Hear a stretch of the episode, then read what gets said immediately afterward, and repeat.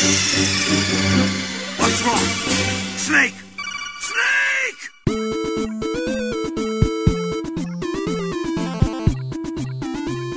Witamy serdecznie w 34. odcinku Gorących Krzeseł. Ja jestem Krzysiek Saran, a ze mną przy mikrofonie siedzi Rafał Pataden. Dobry wieczór. I Kamil Borek. Dzień dobry.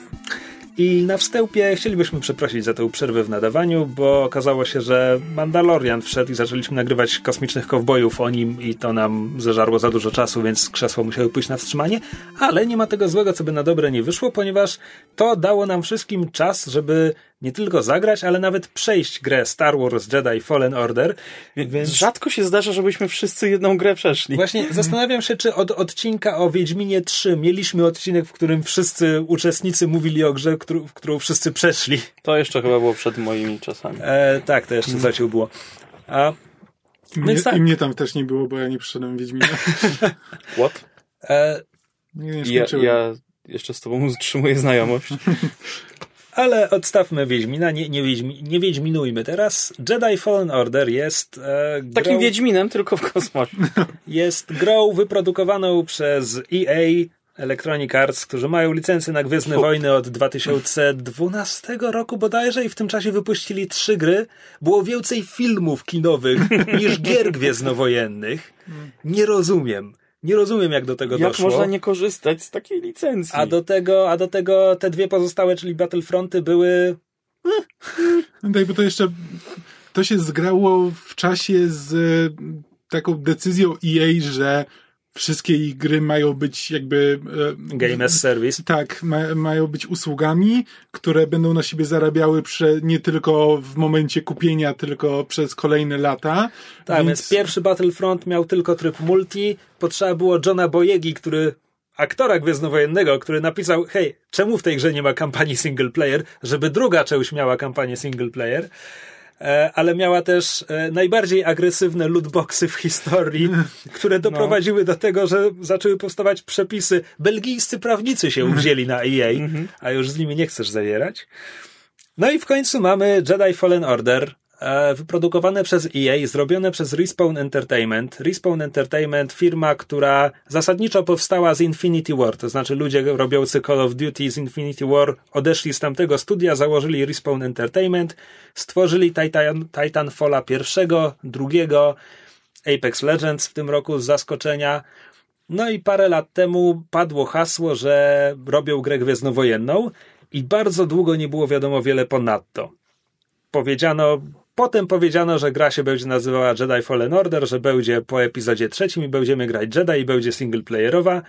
I znowu kolejny rok, półtora minęło, zanim dowiedzieliśmy się czegokolwiek. Tak, a jeszcze ludzie nie bardzo wiedzieli, bo jakby właśnie Respawn zrobił, to jeszcze kiedy były jakby informacje o tym, zrobił tak naprawdę Titanfall oba i tyle, gdzie jakby Titanfall drugi jest jedną z najfajniejszych strzelanin jakby w ostatnich lat, jakby jest, ma, e, znaczy singlową kampanię ma e, fantastyczną, e, jest to jakby jedna z moich ulubionych gier tego typu. Właśnie wciąż jest na mojej liście do ogrania z tego powodu, bo tak ciągle samo. słyszę dobre rzeczy. Bo to jest po prostu gra, w której jakby z, z, ludzie sobie zrobili kampanię i jakby na każdym, każdy poziom w tej kampanii ma jakiś nowy, ciekawy pomysł. Po prostu w każdej kampanii robią coś nowego. To nie jest po prostu, że jest fajna strzelanka, to nie jest Call of Duty, tylko po prostu każdy ma jakąś mechanikę, mhm. wokół której budują, budują poziom. I to, i to jest naprawdę, naprawdę bardzo fajne, a przy tym po prostu jest bieganie po ścianach, które jest super zrobione, a samo też strzelanie też jest przyjemne. Więc to, więc jakby ludzie wiedzieli, że owszem, zrobili Titanfall drugiego, który był dobry, no ale właściwie nie wiadomo, co, czego się spodziewać po, w, e, po kolejnej igrze i czy, czy, czy dadzą radę, czy to udźwigną. I potem wyszedł właśnie Apex, który też się okazał być bardzo dobry i w dodatku jeszcze zarobił na siebie e, w, znaczy naprawdę, naprawdę bardzo dużo. Więc nagle się okazało, że po pierwsze okej, okay, prawdopodobnie z tej gry coś będzie.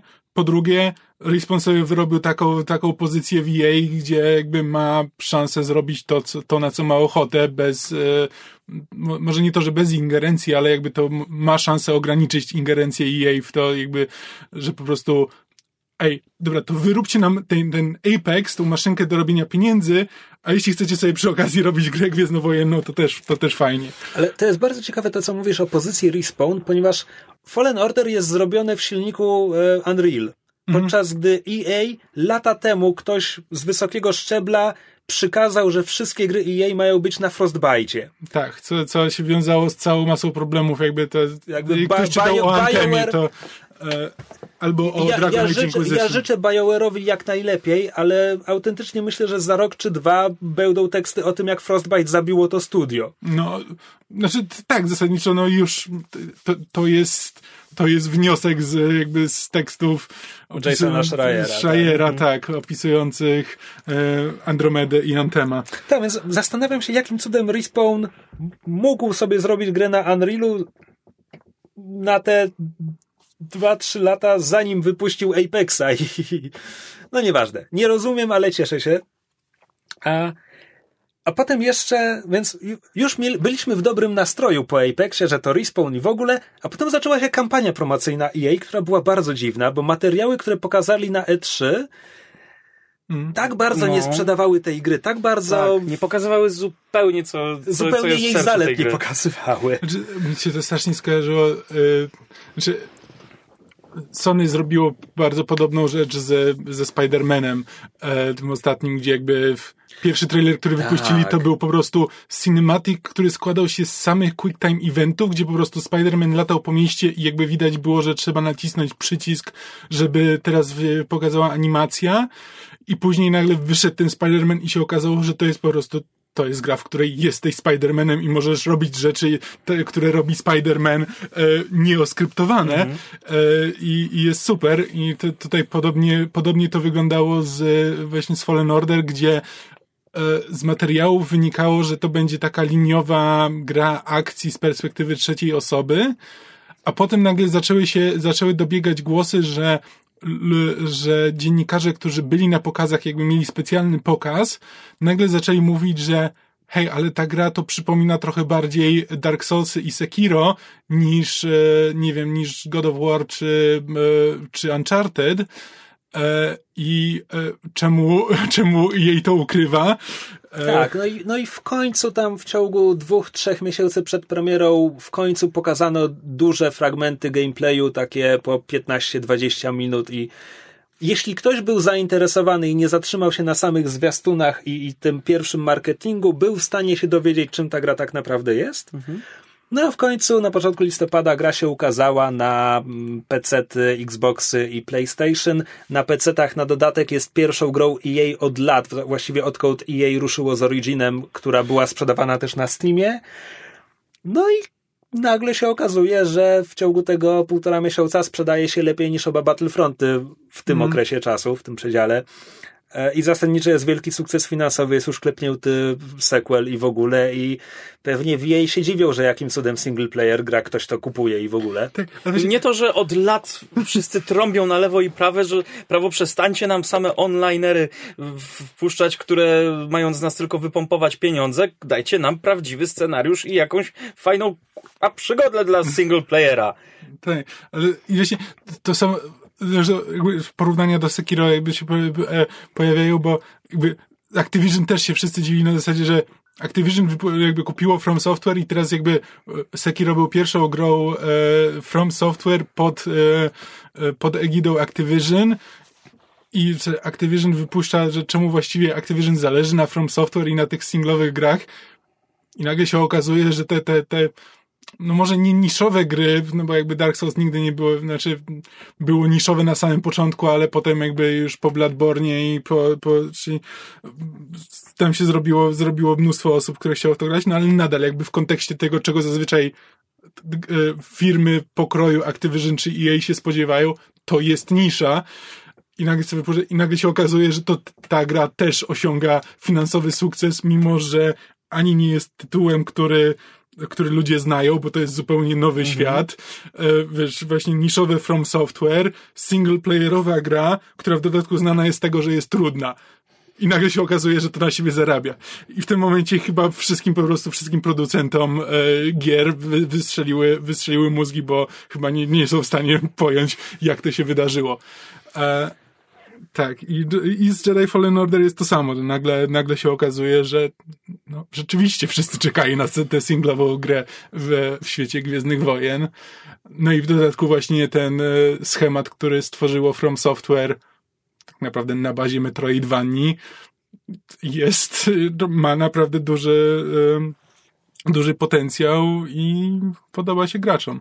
Tak, no i dostaliśmy Fallen Order, grę, w której kierujemy Kalem Kestisem, e, byłym padałanem odgrywanym przez Camerona Monahana ze Skins i Gotham, e, który, I ciężko było pozbyć się Jokera z głowy.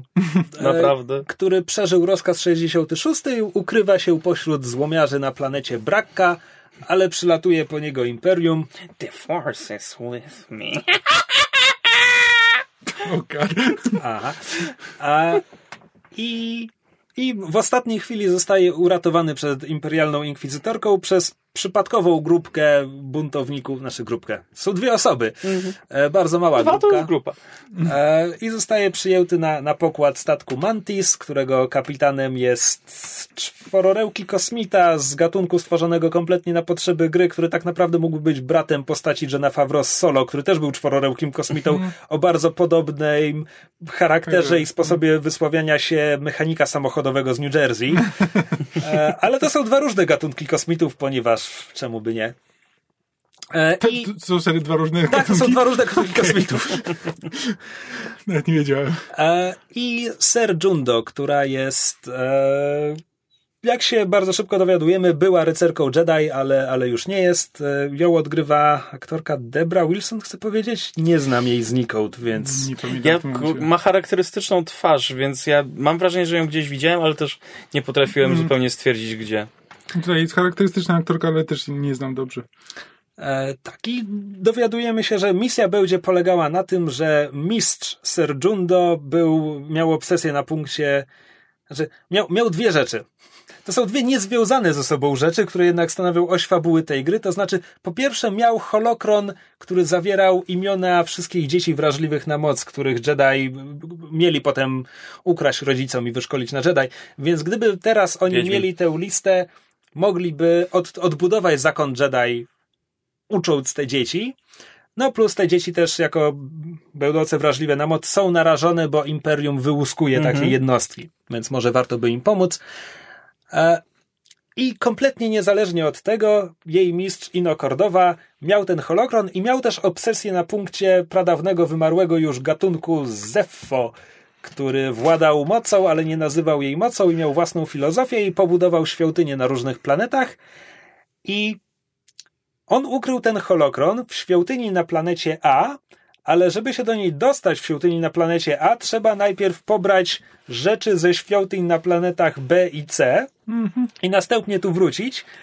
I to jest takie, to, to jest dla mnie dziwne, że to się nijak nie wiąże jedno z drugim. Po prostu ta pradawna rasa i tak dalej, to, to ma się nijak do stanu galaktyki do tych ukrytych dzieci. Nie, to po prostu jest wymówka.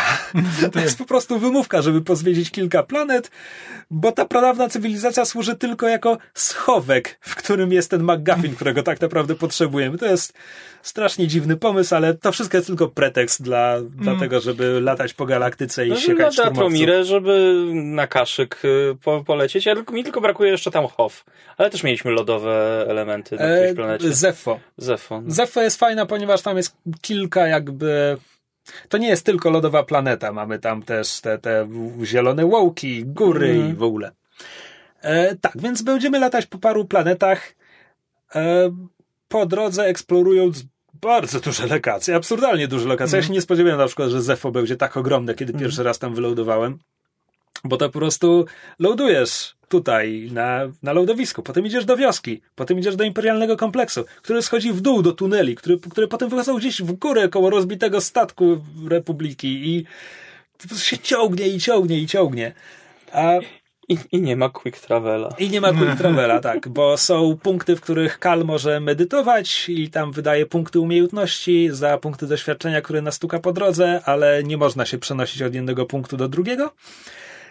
Znaczy, co, co jest w sumie dziwne, bo biorąc pod uwagę, że jakby y, ja się w sumie na przykład y, parę widziałem tak, parę takich opinii, że to jest na przykład dziwne, że po każdej medytacji jakby wracają wrogowie, że nikt nie próbował, że, że Nikt nie, chociaż nie próbowali. nie próbowali tego wytłumaczyć Tak. chociażby. Czemu dokładnie w tym samym miejscu są dokładnie ta- tacy sami przeciwnicy. co kompletnie mi nie przeszkadza, bo ja po prostu y, lubię tę mechanikę i cieszę się, że ona po prostu, y, że inni twórcy zaczęli jakby korzystać jakby z mechaniki stworzonej jakby przez From Software, bo to jest po prostu fajna rzecz, to, to, to, to naprawdę dobrze, dobrze działa i ja, ja to po prostu lubię, więc spoko. Nie musicie dla mnie tego wyjaśniać, po prostu fajnie, bo to znaczy, że niech to się stanie po prostu takim standardem w grach. Dla mnie, dla mnie, dla mnie może być. E, ale właśnie tak samo mogliby po prostu zrobić quick travel od punktu do punktu i po prostu tego nie wyjaśniać. Na zasadzie, że nie wiem, nawet po prostu Kal przeszedł tam poza kadrem, jakby zrobiliśmy cięcie i nie musimy tego pokazywać. Ale, Tak, no to jest. Mam wrażenie, że w tej grze jest dużo takich binarnych konfliktów, gdzie część studia ciągnęła w jedną stronę, część studia ciągnęła w drugą stronę, ponieważ może. a z jednej strony to jest gra, która bardzo stawia na tę historię i prezentację tego świata. To znaczy, ona ma bardzo minimalistyczny interfejs. To znaczy, nawet kiedy już zaczyna się walka, widzisz tylko swój pasek zdrowia, mocy i pas, paski życia nad przeciwnikami, ich paski gardy. I to jest tyle. Żeby zobaczyć mapę, klikasz M, ale wtedy twój droid wskakuje ci na ramię i wyświetla ci hologram mapy. On jest jakby diegetyczny. Diegetyczny. Tak, to jest to słowo, którego szukałem. A z drugiej strony medytujesz przez sekundę i przeciwnicy wrócili do życia. E, Albo mamy na przykład Kal ma kilka umiejętności mocy, które są dość unikalne i fabuła gry podkreśla jego moc psycho, em, psychometrii, to się tak nazywa, odczytywanie wspomnień z przedmiotów, wspomnień i emocji z przedmiotów. To nie jest unikalna moc w świecie Gwiezdnych Wojen. W Expanded Universe był co najmniej jeden Jedi, który to miał. I gra to podkreśla. Ser mówi mu, to bardzo rzadki dar. I potem gra nic z tym nie robi, dopiero, dopiero blisko finału raz się to pojawia fabularnie, że, że on łapie za miecz inkwizytorki i jest jakby, to go paraliżuje. Co jest bardzo fajnym zagraniem. Tak, ale właśnie, ale z tego nic nie wynika. I to nawet, nawet jako po prostu mechanika do tego, żeby puszczać audiologii, Do tego się to sprowadza. I do, do tego to się sprowadza, ale te audiologii w ogóle nic nie wprowadzają. Tak. Znaczy, to jest, znaczy, to akurat, to, to akurat w Crazy Clover mówili, ale to jest jakby taki przykład, gdzie jakby znajdujesz szturmowca owitego, y, owitego pajęczyną y, i martwego i potem dotykasz go i słyszysz, jak walczy z wielkim pająkiem i ginie. I jakby, okej, jakby nie dostałem żadnej nowej informacji z tego. E, Tak. Też jed- jedno jeszcze było zabawne, na jakimś tym filmiku oglądałem e, właśnie jedno takie wspomnienie, Martwy Szturmowiec. Jak, jak się nazywał ten e, na kaszyku, ten taki dowódca? Soul Gerrera? Tak, so, Sol? Są. Soul. I właśnie leży Martwy Szturmowiec. O, Soul go zabił. Jest bezwzględny. Minutę wcześniej zarżnąłeś ośmiu. To jest y, jeszcze a- propos umiejętności mocy, ponieważ jakby fabuła gry zwraca uwagę na jego dar psychometrii, jeśli tak to się nazywa. Natomiast nie, ani słowem się nie zająkuje na temat tego, że on może zatrzymywać przedmioty i ludzi w czasie. Co jest jakby. Kylo Ren zatrzymuje błyskawicę na początku przebudzenia mocy i to jest jedyny raz w Gwiezdnych Wojnach, kiedy widzimy taką moc. Kyle, Kyle, e, Cal Kestis to ma. Nic o tym nie słyszymy nigdy, co było dla mnie trochę dziwne. A z drugiej strony to, to, ta bezwzględność, znowu to jest wątek w fabule, gdzie ser odcięła się od mocy kompletnie, ponieważ złapana przez inkwizycję użyła ciemnej strony i zabiła ich wszystkich, tych wszystkich ośmiu szturmowców, którzy ją otaczali, podczas gdy Kal zabija setki szturmowców na każdej planecie, na którą pójdzie, ale robi to po jasnej stronie mocy, więc nie ma problemu jakby... bo, bo robi to zielonym albo niebieskim mieczem, a nie czerwonym. Prawda? I to jest, to jest To jest różnica między najważniejsze. Jedi i Sithami. Ale A jak już jesteśmy przy mieczach świetlnych, boli mnie, że trzeba parę razy kogoś uderzyć. E, Może, po- je, jeśli ktoś jeszcze nie grał w tę grę, to po pierwsze, będą spoilery, przepraszam. Po drugie, e, system walki opiera się głównie na blokach. Do czego ja do końca gry, 25 godzin, nie przyzwyczaiłem się. Ja wciąż opierałem się głównie na uniku, który potrafi być skuteczny, ale Tak. jednak bloki są bardziej skuteczne. Ale dla mnie unikanie było bardziej naturalne. Ale nawet to jakby, znaczy, Wynie, wyniosłem z Wiedźmina to. Ja w, w każdym razie odskoczyć. jest, jest to system walki, w której trzech podstawowych przeciwników może cię zaciukać, ponieważ jeśli tylko walisz na oślep, zabijesz jednego albo dwóch, ale przy tym odsłaniasz się, zbierzesz ciełgi i prawdopodobnie padniesz. Znaczy, nawet po 20 godzinach gry, jak wróciłem na jedną z pierwszych planet, znowu obskoczyło mnie stado szczurów, znowu zginąłem. Jakby, no bo, no nie, no trzeba uskakiwać, blokować. W momencie, kiedy już masz umiejętności mocy, no to one jeszcze ci bardzo pomagają. E, więc jakby ja ostatecznie przeszedłem tę grę wciąż nie, nie umiejąc tak naprawdę blokować. Znaczy, miałem walki, gdzie u, okej, tu miałem ładną sekwencję trzech, czterech bloków pod rząd. To było dobre, ale to było unikalne na skalę czterech walk, które właśnie stoczyłem. E, przeciwnicy mają, mają pasek życia, ale mają też pasek gardy. To jest, to jest takie trochę oszustwo. Znaczy, oszustwo i nie oszustwo, bo z jednej strony, dopóki mają gardę, nie zadajesz im obrażenia w życie, ale też jednocześnie można ich na przykład wytrącić z równowagi mocą albo zablokować w odpowiednim momencie, żeby zadać im obrażenia bezpośrednio w pasek życia, pomijając gardę. No i ta garda jest tym takim trochę rozwiązaniem, które nam mówi, że kiedy masz szturmowca z elektropałką, to on się nią zasłania i dlatego możesz go trafić cztery razy i to go nie zabije, ale jak już mu zbijesz gardę i go trafisz, to on zginie od jednego uderzenia. I tu pojawia się argument Rafała, gdzie szturmowcy, podstawowi szturmowcy owszem, natomiast lepsi szturmowcy, no, oni już przyjmą tak ze dwa, trzy ciosy, a flora i fauna po prostu co drugie zwierzę w galaktyce jest odporne na miecz świetlny i wolałbym, żeby było więcej stworzonek, które giną od jednego cięcia, żeby trochę zachować tę fantazję o tym, jak to groźny jest miecz świetlny. Tak, ale zresztą, znaczy, to nie chcę powiedzieć, że to jest system pożyczony z Sekiro, bo jakby Za mało czasu minęło między premierą jednej i drugiej gry. Tak, więc jakby trudno by go było jakby po prostu wziąć e, całościowo, więc ewidentnie jakby być może zasugerowali się potem Sekiro, jakby dopracowali pewne rzeczy pod tym względem, ale ewidentnie mieli już jakby zręby tego były, były już gotowe. Ale właśnie oni coś próbowali zrobić podobnego, ale to nie do końca działa, bo jakby w Sekiro jak kiedy wykonujesz parowanie, no bo są dwa, możesz się blokować albo możesz sparować, że jeśli sparujesz tuż przed uderzeniem, to wtedy przeciwnik cię odsłania i możesz go uderzyć bezpośrednio. E, Albo po prostu zadajesz mu większe obrażenia, w tym jego pasek gardy. No to E, Fa- Fallen Order to jest użyte przy odbijaniu pocisków blasterowych, gdzie jeśli zrobisz to tuż przed trafieniem, odsyłasz go w przeciwnika. no, nie no, ale tutaj w normalnej walce też, jakby No też tak, możesz oczywiście. parować. E, Tak, jasne. To, więc to jest jakby, to jest jeden do jednego, tylko że w Sekiro, kiedy, kiedy parujesz, to absolutnie wiesz, że parujesz. Jakby wszystko ci mówi, znaczy po prostu efekty na ekranie i jakby to, jak odskakuje przeciwnik, jakby wiesz, że sparowałeś, wiesz, że teraz możesz zaatakować. A z jakiegoś powodu w y, Fallen Order bardzo długo jakby miałem takie, że zaraz, sparowałem teraz, albo owszem, sparowałem, ale i tak nie mogę zaatakować, bo niektórych przeciwników trzeba sparować dwa razy, ale też ten feedback z tego, że sparowałeś nie jest jakby, nie jest ewidentny, więc jak tak strasznie się męczyłem z, z, z przyzwyczajeniem się do tego, jak ten system walki ma działać. I w którym momencie, że że nie miałem tego poczucia, gdzie właśnie, gdzie w Sekiro to jest szermierka, że ja teraz sparowałem, więc e, wyprowadzam kontratak. Gdzie w Fallen Order mam takie, mam wrażenie, że zesparowałem, ale on mnie znowu blokuje. Ale teraz ja go atakuję i on mnie sparował, e, ale, ale to nie skończyło się atakiem jego. Po prostu taki miałem cały czas, cały czas to wszystko troszkę, ten system walki jest bardzo fajny i mi się bardzo dobrze w to grało. Jak już się trochę przyzwyczaiłem do pewnych rzeczy, ale tam mi brakowało tego poczucia właśnie takiej finezji, tego, że to jest jakby szermierka, że jakby jesteś tym e, rycerzem Jedi i jakby w, w każdym momencie panujesz nad tym mieczem. Rozumiem, rozumiem o co ci chodzi i ja miałem tak, że do samego końca gry, jakby przeszedłem tę grę, ale gdybym miał teraz usiąść do niej znowu i, i miałbym przed sobą tego Perch Troopera z dwoma nożami, Mhm.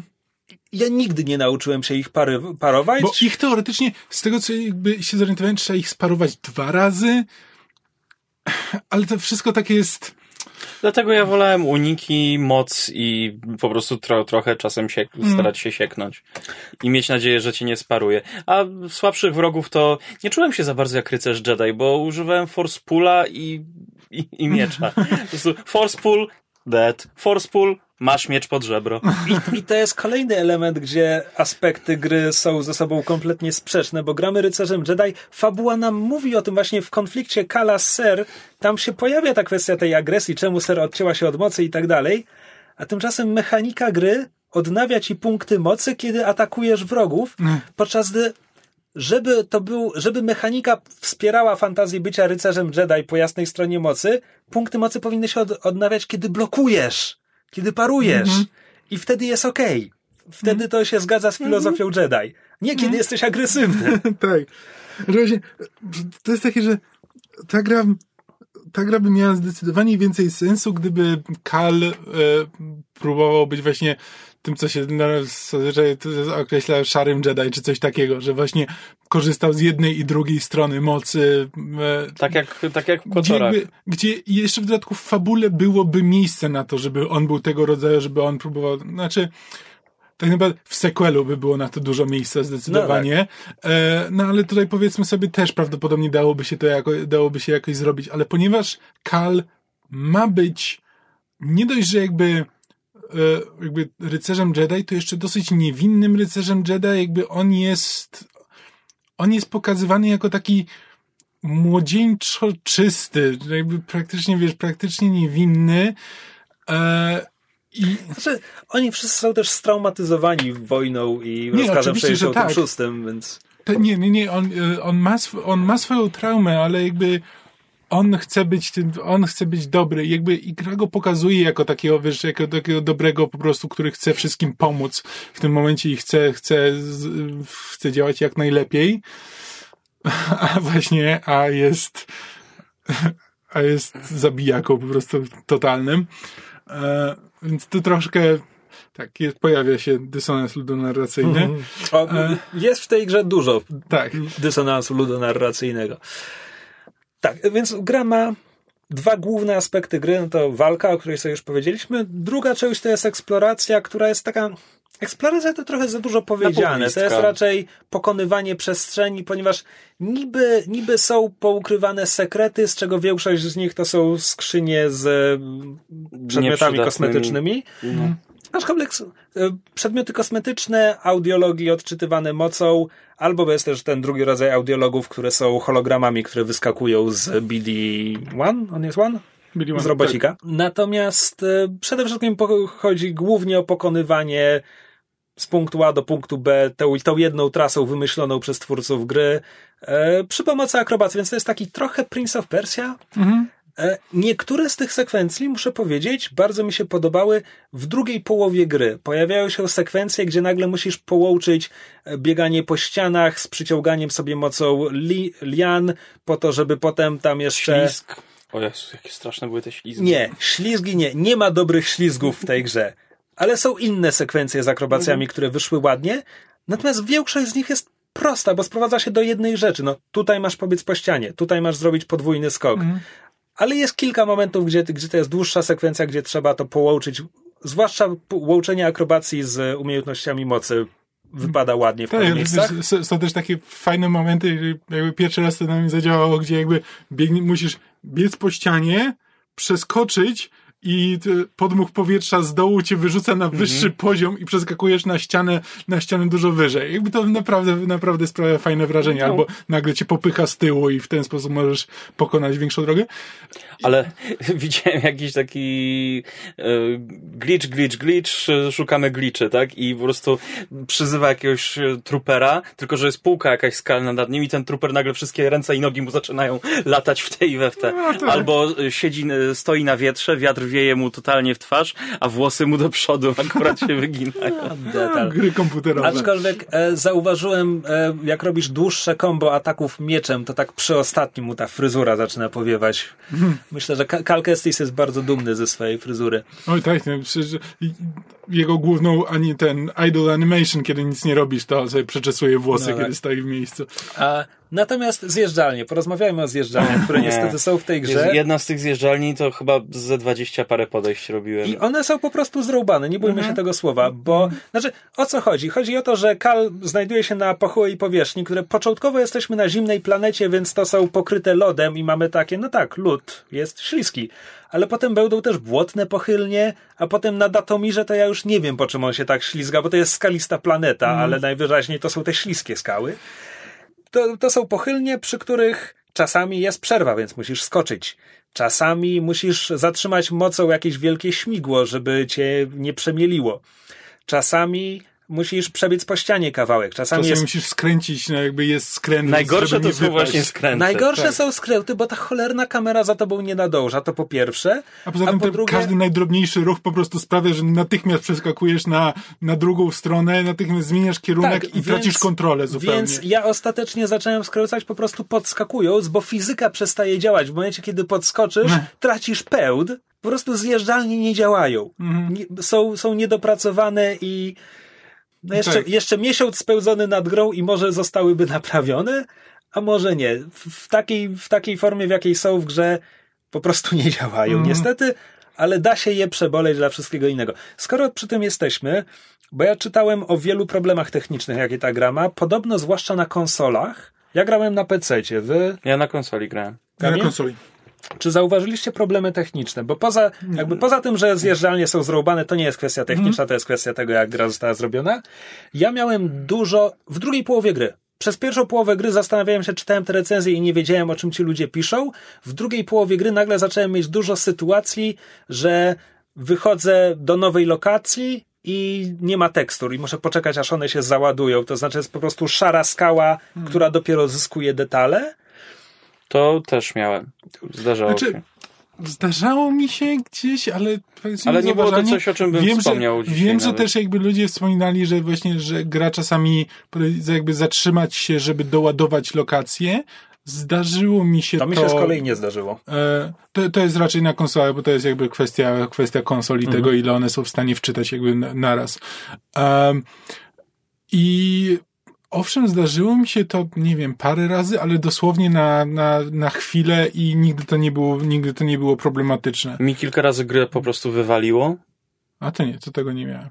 Tego też nie Mm, miałem. I generalnie jak, jak właśnie sterowanie kamerą i jak, jak się między jakimiś skałami idzie i ona wtedy się jakoś musi prze, przecisnąć i wtedy, wtedy mi pot- potrafiło się jakoś tak przyciąć. Hmm. Tak. No, znaczy, bo w momencie, kiedy Kal przeciska się wąskim przejściem, to jest ten E, moment, kiedy gra doładowuje sobie... Nie, nie o tym Aha, mówię. nie.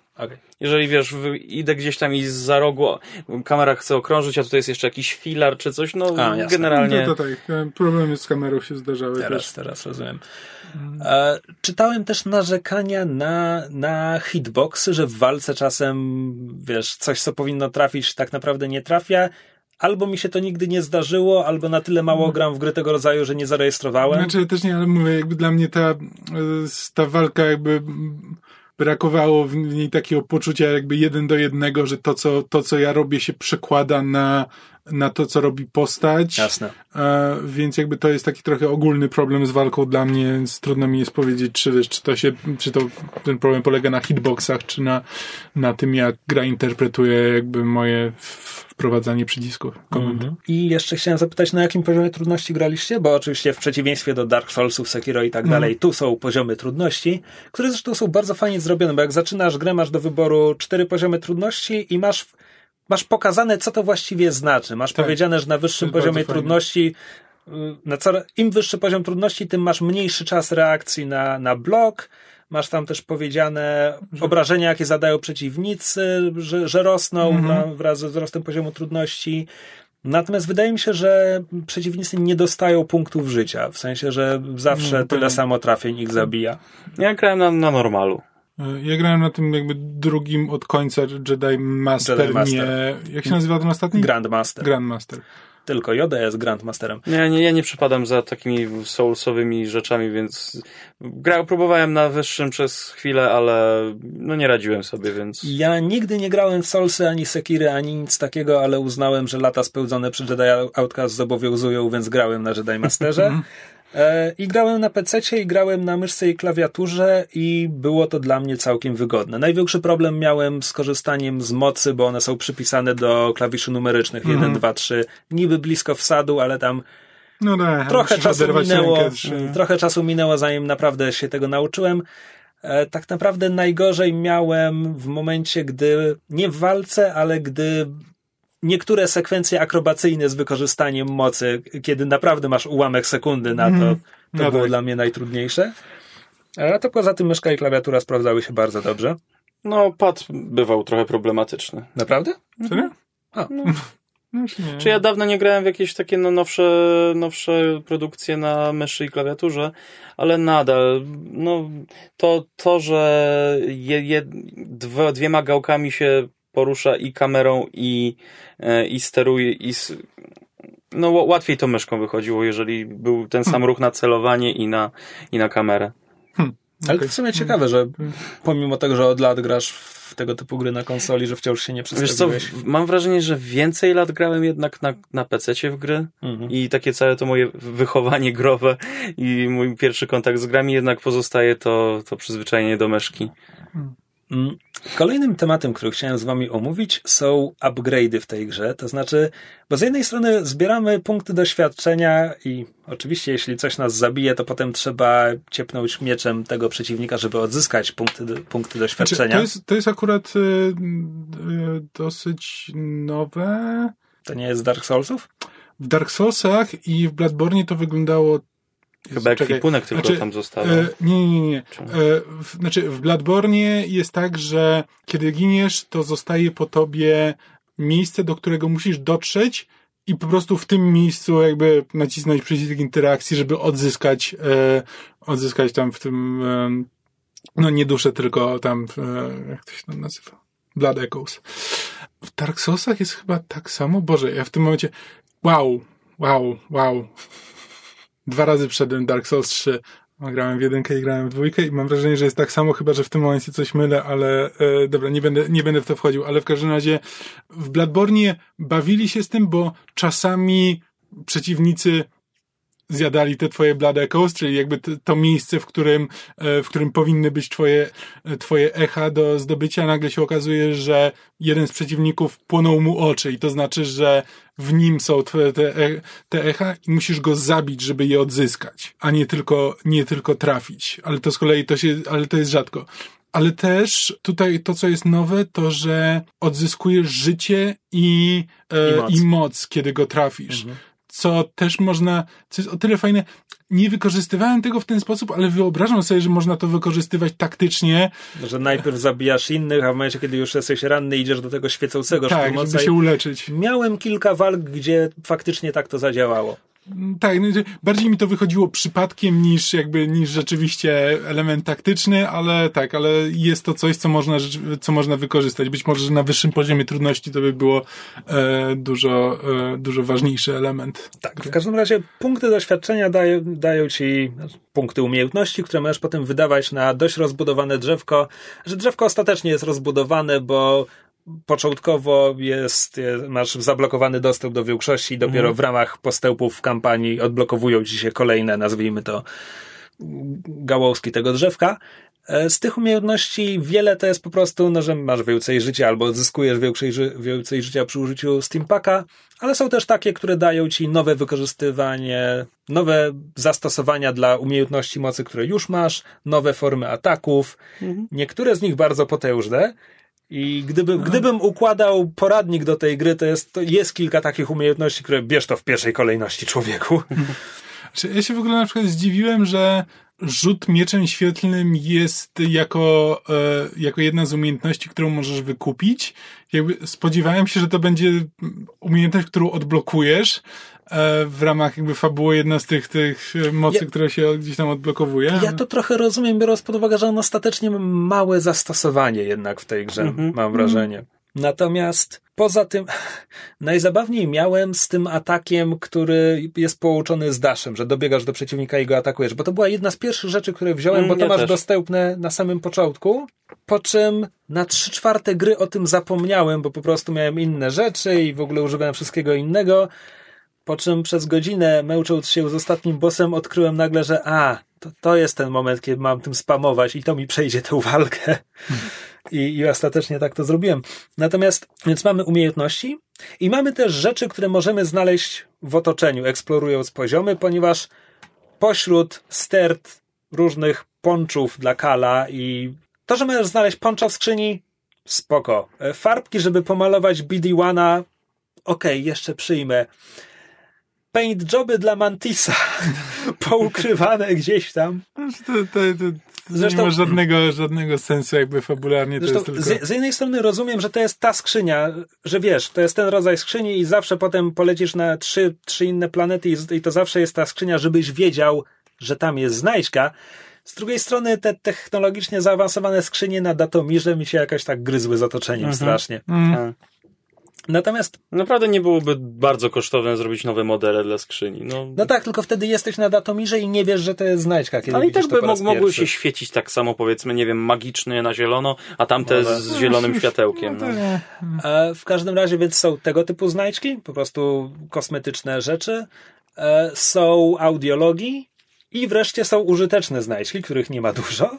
To znaczy kilka razy nowe umiejętności poruszania się to, to są jako znajdźki w terenie, czyli te, te warsztaty, przy których możesz upgrade'ować BD-1, ale zasadniczo główna nić zwiedzania poziomu zawsze cię do nich skieruje. No Tak, i chyba nie przejdziesz dalej, jeśli ich nie zdobędziesz. Co zawsze konieczne. E, tak. No i jest ten jeden, jedyny upgrade miecza świetlnego, który. I to jest znowu moment, gdzie gra. A zaraz, bo ty go zdobyłeś w inny sposób. Bo, bo, te, bo gra ci niby mówi, że patrz, masz te planety, masz po nich latać w dowolnej kolejności, bo na pierwszej planecie dostajesz informacje i o Kaszyku, i o Datomirze, ale jak polecisz na Datomir, zanim fabuła cię tam kieruje, to masz tam 30 minut do rozegrania, a potem Tak reszta poziomu jest zablokowana. Bo musisz umieć podwójnie skoczyć. Mhm. Tak. Ale za to tam w miejscu, gdzie musisz podwójnie skoczyć, jeśli się rozejrzysz, jest warsztat, gdzie znajdziesz ulepszenie, które daje ci podwójny miecz świetlny. Tak. Ostrza z obu stron. Tylko ty ostatecznie znalazłeś go gdzie indziej, co nie miałem pojęcia, że jest możliwe. Tak, bo można go też znaleźć e, z pierwsza e, na Bogano. Mhm. E, że po prostu w, tam w którymś momencie w, w, wróciłem po prostu na Bogano, bo któraś z postaci zasugerowała, że tam znaczy wiesz, to takie ty, typowe po prostu na zasadzie hej, e, jeszcze nie stuprocentowałeś tej planety, więc możemy się tam wrócić, jeśli chcesz. E, w- I tam po prostu w jednym z tych warsztatów zostawionych przez e, e, Inokordowe. tak, można, można znaleźć jakby ten sam upgrade właśnie miecza, miecza świetlnego i po prostu wtedy jeśli znajdziesz ten, te, te, to biurko, na którym masz ten upgrade na Datomirze, no to to jest po prostu to biurko, na którym można sobie e, kustomizować miecz świetlny i tyle. No więc e, ja o tym przeczytałem gdzieś w internecie, już miałem ze sobą kaszyk, ale przeczytałem w internecie, znaczy pierwszy kaszyk, bo potem wracamy jeszcze na drugą rundkę. E, przeczytałem w internecie, że hej, na Datomirze to jest ten upgrade i w ogóle, więc warto tam polecieć, więc poleciałem tam potem i miałem taki moment, gdzie zaraz, to jest tylko warsztat, ale wchodzę tam z jednym mieczem świetlnym, a wychodzę praktycznie rzecz biorąc z dwoma i co, on tam tylko po prostu leżał sobie i dopiero pół gry później miałem retrospekcję, która mi pokazała, że Kal posługuje się mieczem swojego mistrza, który był dwustronnym mieczem świetlnym, tylko został uszkodzony i teraz to ma sens, ale przez te pół gry miałem takie, co tu się odwaliło. Więc tak, więc jest ten upgrade do miecza świetlnego. Są te znajdźki, które zbierasz psychometrią, ale one, jak zbierzesz po trzy danego rodzaju, podbijają ci e, liczbę punktów życia i liczbę punktów mocy. I ja przez całą grę skompletowałem, czyli zebrałem po trzy, po jednym każdego rodzaju. To znaczy raz mi urosło życie, raz mi urosła moc. Ja tak samo. Dwa razy chyba urosło życie i raz moc, czy coś takiego. Wiem, że Musiałeś się dużo skuteczniej rozglądać. znaczy, E. ja lubię, lubię eksplorację jakby w grach, lubię Metroidvanie i tak dalej, więc ja się tam sporo wracałem. I wreszcie, kiedy pierwszy raz spotykamy BD-1, on ma w swoim korpusiku dwa steampaki, które, z których możemy korzystać, żeby odzyskiwać trochę życia. I są najcenniejsze skrzynki w galaktyce, w których znajdziesz dodatkowy steampak na stałe. W sensie od tego momentu już zawsze BD-1 będzie miał jeden steampak więcej. I u mnie progresja wyglądała tak, że pierwszy znalazłem chyba jeszcze na Bogano. Tak, od razu praktycznie. Potem wydaje mi się, że gdzieś na koniec kaszyka dość blisko siebie znalazłem dwa kolejne, więc na koniec pierwszej rundki po kaszyku miałem pięć i miałem je potem niemal do samego końca gry i tuż przed ostatnią częścią finału znalazłem szósty. Ale dobrze wiem, gdzie jest siódmy. Dobrze pamiętam, że widziałem złotawą skrzynkę e, w tym rozbitym niszczycielu na Zeffo i nawet w pewnym momencie poleciałem na Zeffo, żeby to zebrać, bo już miałem chyba wszystkie te akrobacje do poruszania się po terenie.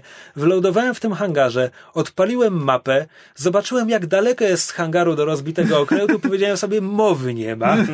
Nie. Nigdy, przenigdy, nigdy w życiu. No bo właśnie, bo ta swobodna eksploracja planet no możesz się wrócić na planetę i odblokować te drzwiczki. Ja to zrobiłem parę razy i poza jednym steampakiem na Bogano, który był tam czymś zablokowany, to owocowało tylko kolejnymi ponczami i, i odpadłem po, po Mhm. kilku takich podejściach. Znaczy to jest w sumie dziwne, bo te... Znaczy, Te poncza to w ogóle taka porażka, Kilka z nich jest ładnych. ale generalnie sama idea poncza dla niego i tak, ono, Masz one tak, pełną swobodę ruchu. ale tak kiepsko jakoś wyglądały. Już- Ja, ja przez większość gry chodziłem bez poncza. E, mój ostateczny e, wygląd Kala to było już bez poncza i w tym najciemniejszym możliwym stroju, bo wtedy zaczyna tak samo. wyglądać trochę jak Luke Skywalker z Ja tak samo. Jedi. Miałeś zielony miecz? E, nie, bo kiedy już można było wybrać kolor. W ogóle ja myślałem, że kryształy zmieniające kolor miecza są jedną ze znajdziek, więc przez 4 piąte gry miałem takie. Cz- 85% gry za mną. Czemu nie znalazłem ani jednego innego koloru miecza? Nie, to znaczy, jest, masz niebieski, zielony i jeśli masz pre-order bonus, to możesz mieć żółty. I ja akurat, ja akurat miałem, czy ja Miałeś. preorderowałem ten, czy to się po prostu dostaje, jak się kupi pierwszego dnia, tam nie wiem. E, W każdym razie miałem, miałem, miałem, miałem ten żółty. Ale żółty E. potem jest też jednym z kolorów palety, którą można wybrać. Tak. Inny E, odcień żółtego Inny zapewne. odcień żółtego. Tak, bo tam jeszcze nawet potem sobie zrobiłem fioletowy, bo stwierdziłem, że okej, dobra, to będę jak Samuel Jackson. E, Potem stwierdziłem, że okej, spróbuję sobie zrobić różowy miecz. Będę chodził z różowym mieczem, ale ten różowy po prostu wygląda jak jasny fioletowy, wcale nie wygląda jak różowy, więc wcale mi Ja sobie biały zrobiłem. Ten taki najjaśniejszy. Hmm. Chciałem, chciałem jak dorosła Szokatano. Ja chodziłem z Indygo, skoro już się tym dzielimy. E, natomiast do czego ja zmierzałem? Do czego ja zmierzałem? Znaczy, ja jeszcze przy, wcześniej zmierzałem do tego, że jakby dziwi mnie te, te, ten brak możliwości fast travela, no bo jakby z jednej strony rozumiem prawdopodobnie zamysł, że zamysł jest taki, że, że powinieneś przechodzić przez te lokacje po to, żeby właśnie znajdywać te, te, te mm, kolejne przejścia. No tylko, że gra daje ci mało motywacji do tego, no jeśli cię nie interesuje. Czy ja, ja akurat mam taki umysł, że ja po prostu lubię zbierać znajdźki, nawet jeśli z nich nie, nie korzystam. E, więc jakby dla mnie to działa, ale jakby wiem, że sporo osób, sporo osób narzeka na to, że właściwie nic się nie dostaje za to, że się, że się eksploruje, więc właściwie po co to robić. Więc to jest, wiesz, więc z jednej strony ta mechanika tego, znaczy brak tej mechaniki e, fast travela trochę, trochę dziwi, no bo, no bo ta eksploracja nie wydaje się być tak ważną częścią tej gry. To nie jest tak, że jeśli nie eksplorujesz, to, to natychmiast tracisz e, bardzo dużo. To znaczy tam w drugiej połowie gry, tam jest, tam jest ten moment z tym syndykatem przestępczym, więc w drugiej połowie gry, kiedy wracasz na już wyeksplorowane planety, tam się nagle okazuje, że są nowi mini-bossowie, bo są łowcy nagród, którzy na ciebie czy polują. No oni po prostu siedzą w tym jednym pomieszczeniu na Bogano, jeśli przypadkiem tam wpadniesz, to cię zaatakują, więc dziwny mają ten rodzaj polowania, no ale masz tych dodatkowych mini-bossów, więc znowu, jeśli chcesz stuprocentować grę, no to masz nową nagrodę za eksplorację, w miarę unikalnego przeciwnika, no tam są zasadniczo dwa modele tych łowców, ale oni mają trochę się różnią atakami i tak dalej. Was też pojmali? Tak. Mm, To jest element kampanii okej, po prostu. dobra. Znaczy, nie, wiem, właśnie jestem Właśnie się ciekaw, co się zastanawiam, dzieje, czy dało się jak, ich pokonać. Znaczy, moim zdaniem tak, musiało się dać, szczególnie, że jakby Bloodborne robi to samo, znaczy Mhm. w Bloodborne jest, jest mechanika, w której jakby jeśli jeden z, jeden z rodzajów przeciwników cię pokona, to nagle się budzisz w innym miejscu i dojdziesz do tego miejsca później i tak w fabule, ale jakby w zupełnie innych okolicznościach. A, w- wiesz co? To trzeba by doczytać w takim wypadku. Ja założyłem po prostu, że to jest stały element e, f- f- fabuły, że to zawsze dzieje się w tym Nie, no momencie. bo ale da się możesz, wygrać, byłem bardzo blisko wygrania tej walki, w ale... takim wypadku, jeśli da się to wygrać, jeśli zakładam, że możesz wygrać tę walkę, natomiast ci łowcy po- pojawiają się tam potem w innych miejscach, w tym jeden jest na twoim głównym e, torze dalej, dalej w fabule. I to jest trudna walka. I ja myślę sobie, że tam jest już znowu takie, że on cię raczej zabije i wtedy na przykład masz e, ten etap więzienny. No ale właśnie, znaczy właśnie jestem ciekaw, czy gra to wymuszano, bo to by było głupie, gdyby po prostu w, robiła walkę, której nie da się wygrać, bo to by było kompletnie jakby wbrew temu wszystkiemu, co robisz, jakby to by było strasznie wkurzające, ale też z drugiej strony to nie jest tak, że ta lokacja, ta arena, na którą trafiasz jest częścią gry, jakby jeśli ci tam ktoś To nie zabierze, to tam, to tam no, nie trafisz, no tak. więc y, nie wiem, zastanawiam się, czy później, wiesz, czy Ja czy przy pierwszym ten- starciu, ja, ja nie tyle mnie zabili, nie przegrałem, tylko oberwałem jakimś tym obezwładniaczem elektrycznym. Ja nie, nie straciłem życia, Hmm. nie zabili mnie, tylko po prostu stałem gdzieś w miejscu, gdzie na podłodze chyba mia, miały być elektryczne, czy on strzelił Ale- do mnie czymś elektrycznym i ja nie oni, Ja nie, ale nie, oni tego używali normalnie w walce, to dziwne.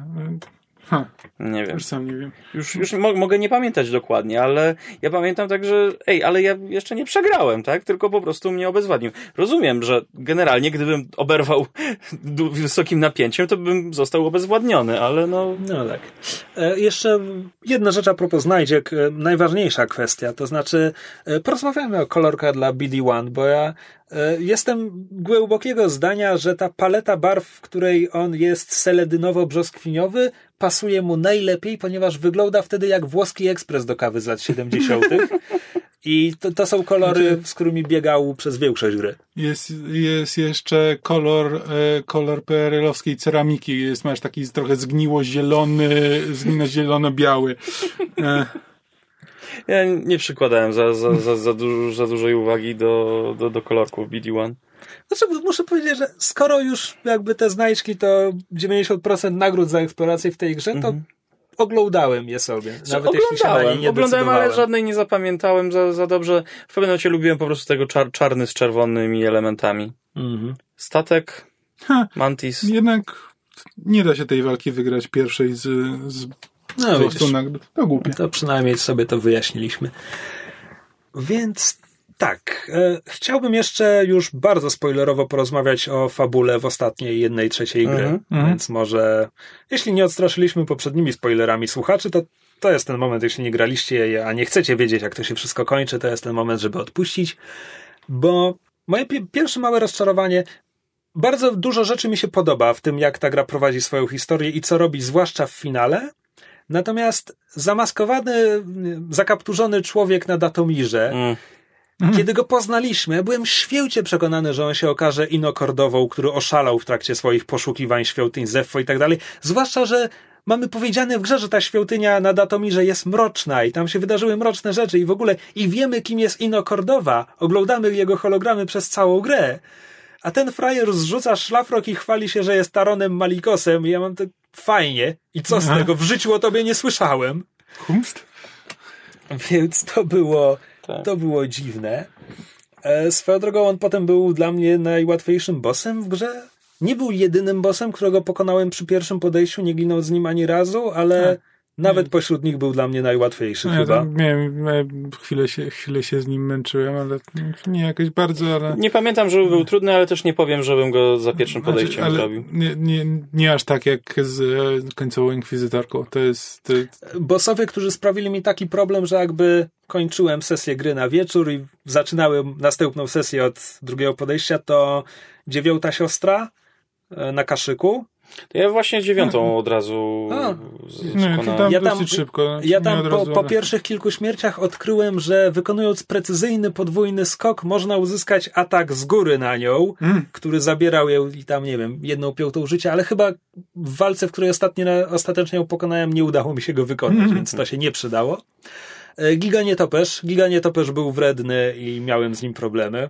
Znaczy, Jezu, nie, ja ja gorzej miałem trafić na niego jak podczas Te, a te spadania. sekwencje QTE Tak. i O. potem to był już, to Tak. był już dramat. Jakby, Tak, tak. Ja tak bardzo nie wiedziałem, czego gra ode mnie chce. To mi zajęło absurdalnie dużo czasu i obok zjeżdżalni to najgorzej to wspominam. E, No i ostatecznie Trille w finale gry spędziłem przy tym godzinę.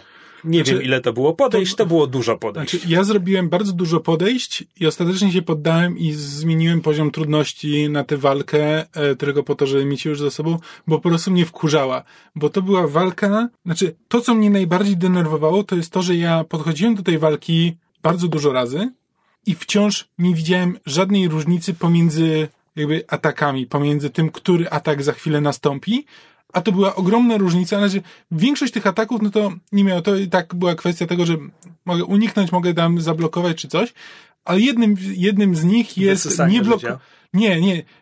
Wiesz, Wysysanie życia to jedno. Ten nieblokowalny atak, który... Fala sejsmiczna. e, Fala sejsmiczna, która, której nie da się zablokować i która e, otacza jakby 360 stopni wokół Trilli, więc nie da się jej uniknąć, można przeskoczyć nad nią, ale to jest tak, że ja nigdy nie wiem, kiedy ona nadejdzie, bo ona wygląda dokładnie tak, jak jakby przygotowanie do tego ciosu wygląda tak, jak wszystkie inne ciosy. I ja pierdyliard razy ginąłem właśnie konkretnie do tego ciosu, bo nie mogłem sobie zaplanować, nie mogłem tej walki na zasadzie, wiesz, staram się ograniczać zużycie e, tych steampaków, a ten cios zabiera bardzo dużo, e, bardzo dużo zdrowia i po prostu w pewnym momencie miałem takie, ja jestem przyzwyczajony do grania w gry From Software i jakby gry From Software nawet kiedy są nieuczciwe, to są uczciwe. E, znaczy, to są, znaczy, to są gry, które potrafią cię zaskoczyć tym, że nagle za rogu wypadnie na ciebie coś, czego się zupełnie nie spodziewałeś, ale jakby, ale wtedy na następny raz już wiesz, że to tam jest. I kiedy walczysz z bossami, też mają po prostu okrutne ataki, które, wiesz, które potrafią, które potrafią ci kompletnie zepsuć, zepsuć cały plan, ale, ale zawsze wiesz, jakby, jeśli podchodzisz do walki parę razy, to po prostu to uczy się tego. To jakby każdy atak jest telegrafowany inaczej. Jakby przed każdym atakiem możesz się, możesz się obronić, że wiesz, że nadejdzie, jeśli jesteś, jeśli już na tyle się z tym obcykałeś. A tutaj po prostu podchodziłem do tego tyle razy i cały czas nie wiedziałem, w jaki sposób mam, mam się bronić. Znaczy tak, ja wiem, że ta walka zajęła mi godzinę i pamiętam wyraźne skokowe postępy. To był ten moment, kiedy się zorientowałem, że aha, okej, kiedy jednak uda mi się ją zablokować, albo kiedy naprawdę uda mi się jej uniknąć po, po ataku, po którym ona się długo zbiera, żeby znowu przyjąć gardę, to jest ten moment, kiedy ją atakuję, bo wtedy widzę, jak dużo życia jej spada. Okej, czyli muszę robić to. Kolejny mm, skokowy postęp to było odkrycie, że ten moment, kiedy ona przyzywa droida i droid strzela, a ona rzuca mieczem, to są najlepsze momenty w tej walce. Teraz mogę odpocząć. To jest proste.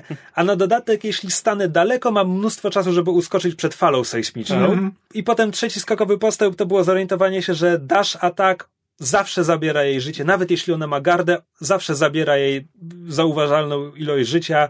I jakby ostatecznie kombinacja tego wszystkiego gdzieś tam po godzinie pozwoliła mi ją pokonać, ale to była to była walka mnie No tak, ze sobą i z No tak, komputerem. to, i... to brzmi jak kompletny cheese, jakby to jest, to, to, znowu, Nie do końca. Nie nazwałbym tak, tak. Oburzyłbym się, gdybyś mi to tak powiedział. Okej. Znaczy, jakby, nie wiem, na ile jestem słuchacze, jakby cheese, to jakby to, to, to jest, chodzi o taktykę, w której wykorzystujesz jakiś czasami błąd, czy czasami po prostu znajdujesz jedną taktykę, że jeśli staniesz w tym miejscu na mapie, to przeciwnik nie może cię trafić, No to właśnie- a ty możesz w niego strzelać, strzelać jakimiś, wiesz, małymi atakami No i w to końcu wyko- kie- kiedy, kiedy mówię, że dziewiątą siostrę na kaszyku da się zaatakować atakiem z góry, to jest cheese. No bo to tak. dosłownie jest. Jeśli skoczysz z tych dwóch pikseli, to wtedy ci się to uda, więc to nie było za, jakby. Że to jest bezpieczna taktyka, która Mhm. wykorzystuje jakiś tam błąd w tym, jak się... No, ogdo, Przeoczenia ogdo, testerów. e, z tego co czytałem, ogdo bogdo, możesz stanąć w progu do jaskini i on nie będzie w stanie się. No więc e, są bossowie, których można tak pokonać. E, Fabularnie, czy któryś z was był zaskoczony revealem, że pod hełmem jest była padałanka Sir Jundo? Znaczy, nie, nawet nie, Hmm. znaczy, znaczy nie traktowałem tego nawet jako jakiś, nie wiem, wielki reveal. No bo to, to jest jednak Tak. reveal, kiedy ona zdejmuje tak, hełm tak, i tak tak, dalej, no. ale no tak, to było, to było podprowadzone jakby, żeby się domyślić. Bardzo mi się podobało trenowanie, poznawanie nowych umiejętności i mocy poprzez retrospekcję, jak jako mały padałan ćwiczyłeś ze swoim mistrzem. To nie było zbyt ciekawe, ale ponieważ mamy te trzy retrospekcje, więc potem, kiedy widmo mistrza cię atakuje i musimy pokonać widmo mistrza, znaczy nie pokonać, bo w końcu musimy odłożyć miecz, Wolałbym, żeby gra nie podpowiadała wtedy, że masz to zrobić, żebyś się sam domyślił, to byłoby fajniejsze. E, Natomiast to daje nam jakąś więź z mistrzem, więc kiedy w końcu mamy retrospekcję z rozkazem 66, to zrobiło na mnie duże wrażenie. Tak, no jakby właśnie to, to, że miałeś retrospekcję i nagle możesz właśnie przejść ten fragment, kiedy właśnie jest ten, e, ten Order 66 i jakby też to jest też fajny moment jakby, gdzie właśnie widać tą traumę, jakby, gdzie wiesz, no grasz młodym chłopakiem, który w tym momencie wyżyna zastępy, e, zastępy e, klonów. Z którymi się kumplował jeszcze Tak. parę minut wcześniej. No to to jest jakby to absolutnie by na niego wpłynęło, to by mogło rzeczywiście zmienić go w zabijakę, mo- mogłoby go uczynić bezwzględnym.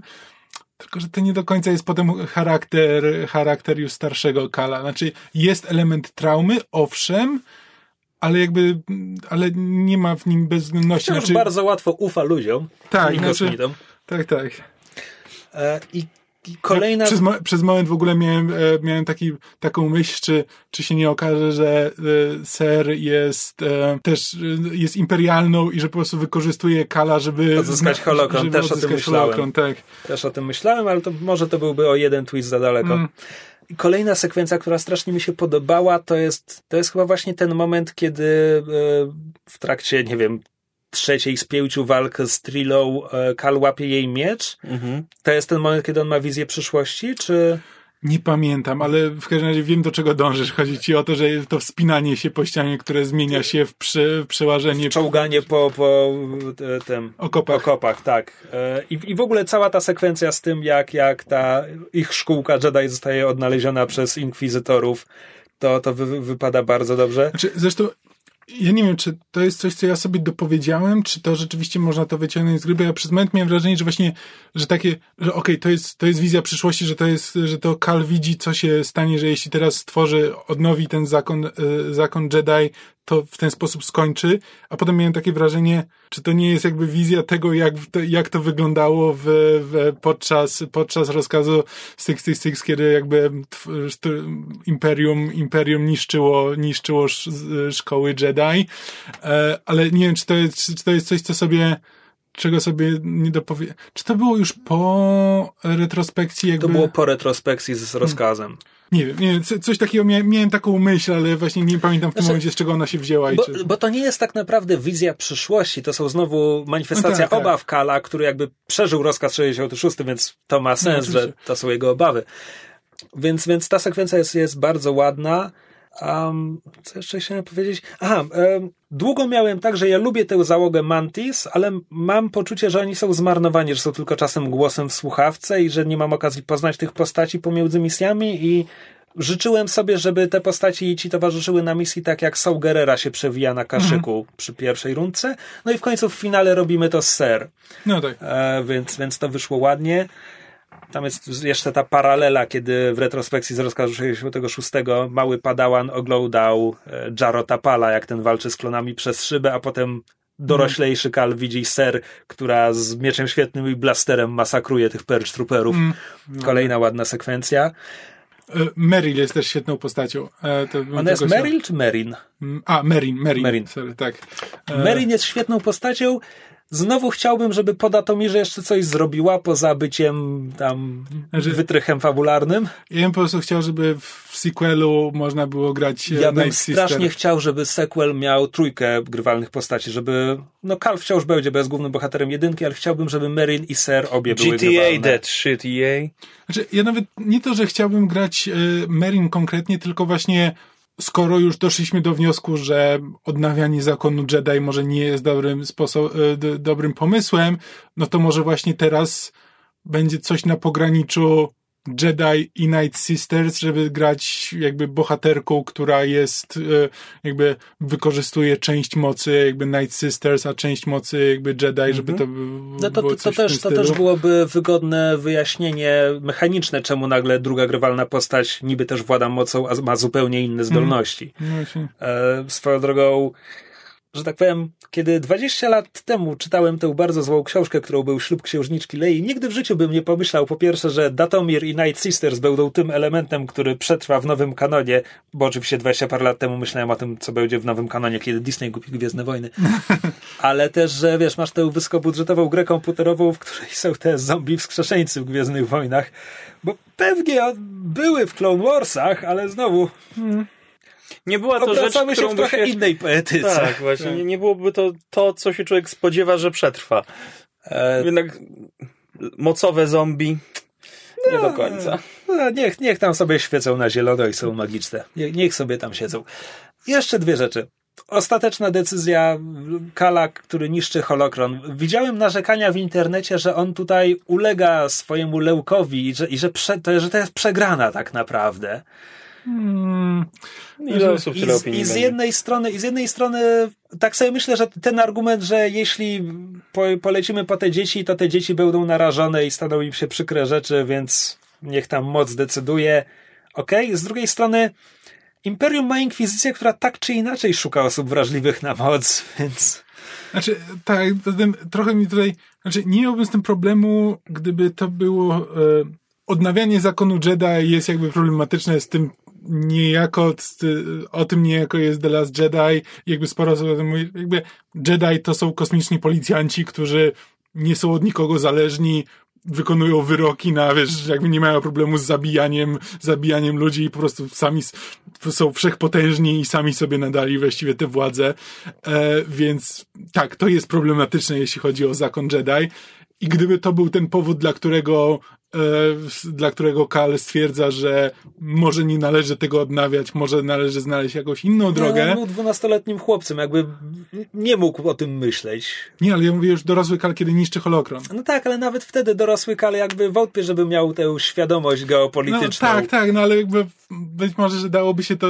Znaczy, to nie wynika z tej fabuły, którą mamy. Że ja mówię, że gdyby to była zupełnie.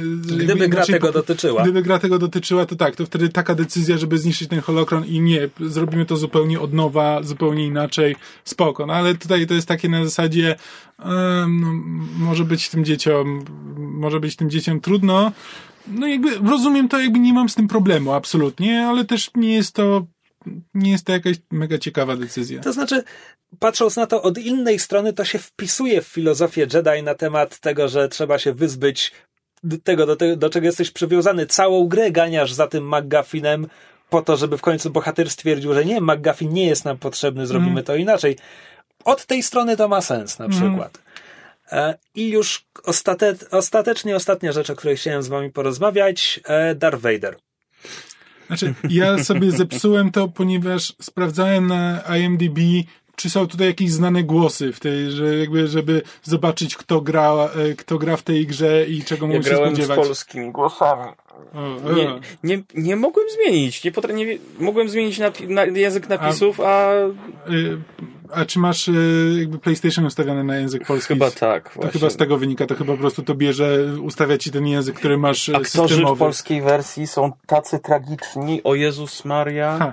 Wygląda jakby zupełnie nie mieli pojęcia czasem, co czytają i z kim jest rozmowa No jest to prowadzona. bardzo możliwe. Znaczy, wiesz co, ja chyba wiedziałem, że Darth Vader będzie w tej grze też z listy aktorów na IMDb, z czego można, wiesz, można się zastanawiać, czy Inkwizytorka nie będzie rozmawiać nagle z hologramem To Vadera. tak, jakby właśnie po prostu cały czas, tylko że po prostu cały czas się zastanawiałem na zasadzie, czy to jest ten moment, kiedy się pojawi Vader? Czy to jest ten moment, kiedy No się to, pojawi Vader? to ja, ja, jest ja sobie moment? nic nie popsułem, ja miałem po prostu Ło, Vader!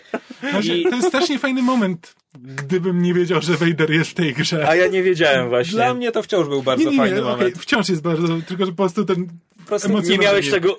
Chciał, chciałem tutaj, miałem bardziej takie, a, o, to właśnie to. e, bo w tym, w tym miejscu chciałem e, wygłosić bardzo krótki wykład na temat historii e, reprezentacji Dartha Vadera w Expanded Universe, ponieważ Darth Vader jest złym madafaką w filmach i Expanded Universe do tego nawiązywało. A potem były prequele. Już PAL 6, mały Anakin na Tatooine, nie o to chodzi. Bardziej chodzi o zemstę Sithów i to, ja- jak widzimy Anakina Skywalkera pokonanego tak do szczełtu. I jasne, minutę później on się staje Darthem Vaderem, ale to coś przełączyło jakiś psztyczek w głowach twórców, bo nagle mamy książki, komiksy, a z The Force Unleashed również gry, w których nagle jest to przyzwolenie, że Darth Vader da się go pokonać.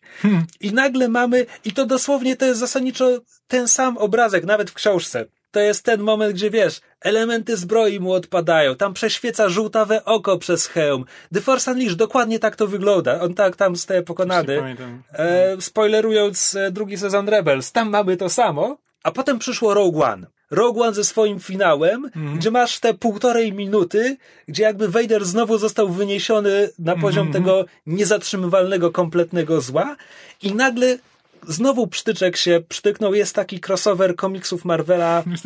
O Boże, przecież to jest Vader. Tak, tak. Jest e, crossover Marvela, on się nazywa bodajże Vader Down, gdzie myśliwiec Vadera zostaje uszkodzony w bitwie, on się rozbija na planecie i rebelia w tym momencie wpada na pomysł, hej, to jest ten moment, kiedy mamy go zaatakować. I jest scena, gdzie on wychodzi ze swojego rozbitego myśliwca, jest otoczony przez trzy oddziały rebeliantów, którzy mają tam też jakieś śmigacze, wyrzutnie rakiet i tak dalej, i mówią mu, poddaj się, jesteś otoczony, a na co Vader odpowiada, jestem otoczony przez martwych żołnierzy. I zaczyna się masakra. Wow. Więc jakby finał Jedi Fallen Order wpisuje się znowu w ten jakby, w tę, w tę e, restaurację Vadera, e, od, odnowienie, gdzie to jest QTE, ale nie boli mnie, że to jest QTE, bo jakby gra rozumie czym on jest. Nie ma walki z bossem Vaderem, on nie jest do pokonania, możesz tylko spróbować przeżyć. I to wypada bardzo ładnie. Ja pierwsze dwa podejścia z Vaderem nie wiedziałem, co mam zrobić. Bo d- tylko jak w pewnym kątem, pod pewnym kątem się mapę, tą kamerę ustawiło, to się podświetlał tam, że, że trzeba mocy użyć. A ja tak e, e, ginę, e, ginę, ginę, e, Czekaj, tam w zginąłem. końcu zabija? Ha. Bo mi też zajęło dłuższą chwilę załapanie, z jakim przedmiotem mam wejść w interakcję, ale nie zdążył mnie zabić, więc tam musi być duży Mi się margines. wydaje, że, że, że umarł. Możliwe, możliwe. Albo teraz już wyparłem z pamięci pierwsze podejście. No i nic, e, myślę, że przegadaliśmy Fallen Order. Ja na pewno wyrzuciłem z siebie wszystko, co chciałem. To nie jest idealna gra. Nie, Ale znowu właśnie tak jak przy The Outer Worlds, jest to krok w dobrym kierunku. Znaczy, na pewno jest to gra, której Gwiezdne Wojny teraz potrzebowały. Jest to gra, której jej potrzebowało, żeby odzyskać jakikolwiek jakby... Jest to gra, której my do, potrzebujemy. do, el- ułamek dobrej woli ze strony, ze strony odbiorców. Znaczy tak, no w ogóle to jest jakby gra, która jakby udowadnia z powrotem, że tak, że gry singleplayerowe mają przyszłość i jakby wciąż można, wciąż można je robić i to jest, to, to samo w sobie jest miłe. Tak, no bo mechanicznie tu nie ma innowacji. To jest po prostu zapożyczanie z Soulsów, Sekiro, Uncharted, Metroid. Mm. Przemieszane całkiem znośnie, wykonane całkiem fajnie, nawet jeśli ten model walki ma tam jakieś niedociągnięcia. Ale nie, ale mi się wciąż, znaczy ja tam trochę narzekałem, ale wciąż grało mi się bardzo przyjemnie, jakby to jest gra dokładnie pode mnie, jakby bardzo lubię ten rodzaj gier. Zjeżdżalnie cały dużo. respawn może sobie wsadzić w dupę, ale reszta gry Generalnie dla mnie nadal troszeczkę za dużo Lara Croft w tym wszystkim. No bo to jest jakby ta druga mniej- połowa gry obok walki, ale mówię, mi się to całkiem Pro, podobało. proporcje po prostu jakbym tro, troszeczkę zmienił. Jakby było trochę mniej tego. Gdybyśmy mieli w podcaście zacząć oceniać e, gry jak e, magazyny, że tam punkty na 10, to jest jakieś 7 na 10, ale Spokojnie 7 Czuję się bardzo komfortowo dawa- dając nawet, siódemkę. Tak, nawet mógłbym 8 dać, jakbym miał lepszy dzień. znaczy ja, jako fan Gwiezdnych Wojen nie jestem obiektywny, tak? Więc Mandalorianina oceniam w dół w kosmicznych kowbojach, bo znam tyle Gwiezdnych Wojen, a tutaj jednak ta ocena rośnie, ponieważ znam tyle Gwiezdnych Wojen i podoba mi się to, co zrobili z Gwiezdnymi Wojnami w tej grze. No, ale też jakby Mandalorianin jest jednym jakby z wielu elementów Expanded Universe, które jakby mamy różne inne rzeczy, które mogą zaspokoić to Tak, a- same, a- a, gier y, Star Warsowych dobrze wykonanych. Z, i- rze- z rzeczy, w które grałem, to jest pierwsza, pomijając jakieś tam mobilne rzeczy, to jest pierwsza gwiezdnowojenna gra od The Force Unleashed 1, w którą gram. Nice. No bo co było po drodze? The Force Unleashed 2 i dwa Battlefronty. Znaczy, ja Force Unleashed to było ze? Battlefronta grałem, Tak. ale- Okej, pamiętam Pierwszy to. jest. Mechanicznie to nie była dobra gra, to była co najwyżej znośna gra mechanicznie, ale opowiadała fajną historię, Tak. która znowu coś fajnego robiła z Gwiezdnymi Wojnami. Dwójka była koszmarna. ja Pamiętam. zacząłem grać w dwójkę. Pamiętam. Mechanicznie była po prostu gorsza, a historia była debilna. więc, więc cieszy mnie ten Jedi Fallen Order. I fakt, że szykują dwójkę i tym Tak. razem dadzą więcej pieniędzy na to. Znaczy tak, jeśli, znaczy tu już jest dobra gra, która tak naprawdę większość problemów, które ja mam, to są problemy ze szlifem, a nie z podstawowymi założeniami. Prawda. Więc jeśli teraz Respawn nad tym podpracuje kolejnych parę lat, to naprawdę będzie... A to, to akurat wiemy, że na ten sequel przyjdzie nam poczekać, bo Na i, i jej nie było pewne sukcesu, więc to nie jest tak, że oni zaczęli już pracować nad sequelem, to znaczy pewnie coś tam porobili, ale jakby dopiero po wynikach finansowych Fallen Order jest zielone światło na sequel. Mam ciekawe, może jakiś DLC się pojawi, czy coś. Też by było miło. Też by było miło. No dobra. To wszystko w tym odcinku. E, Przed końcem roku postaramy się nagrać dla Was jeszcze odcinek podsumowujący rok z jakimiś naszymi głębokimi przemyśleniami na ten temat, albo i nie. A tymczasem dziękujemy Wam, drodzy słuchacze, za poświęcony nam czas i uwagę. E, Chętnie przywitamy Wasze komentarze pod tym odcinkiem gdziekolwiek. Możecie nas też recenzować na iTunes czy w aplikacjach podcastowych, czy, go, czy gdziekolwiek nas słuchacie. Możecie odwiedzić nasz fanpage Gorące Krzesła na Facebooku. E, Tam regularnie wrzucam newsy growe i czasem jakieś wrażenia z małych gier, o których nie mówię w podcaście. Teraz kilka dem na przykład testowałem, bo nagle na Steamie pojawiły się dema na dwa dni. Już ich nie ma, ale były. A Wiesz, każda gra ma demo na Steamie, bo możesz ją oddać po dwóch godzinach. E, No tak, ale to są gry, które jeszcze nie mały premiery, więc A. jeszcze nie możesz ich kupić, więc dema w prawdziwym tego słowa znaczeniu. I to wszystko, tak? To wszystko. Do usłyszenia nasi drodzy słuchacze. Do usłyszenia, nasi drodzy słuchacze. Do usłyszenia, nasi drodzy słuchacze. Cze. Cze. Elowina.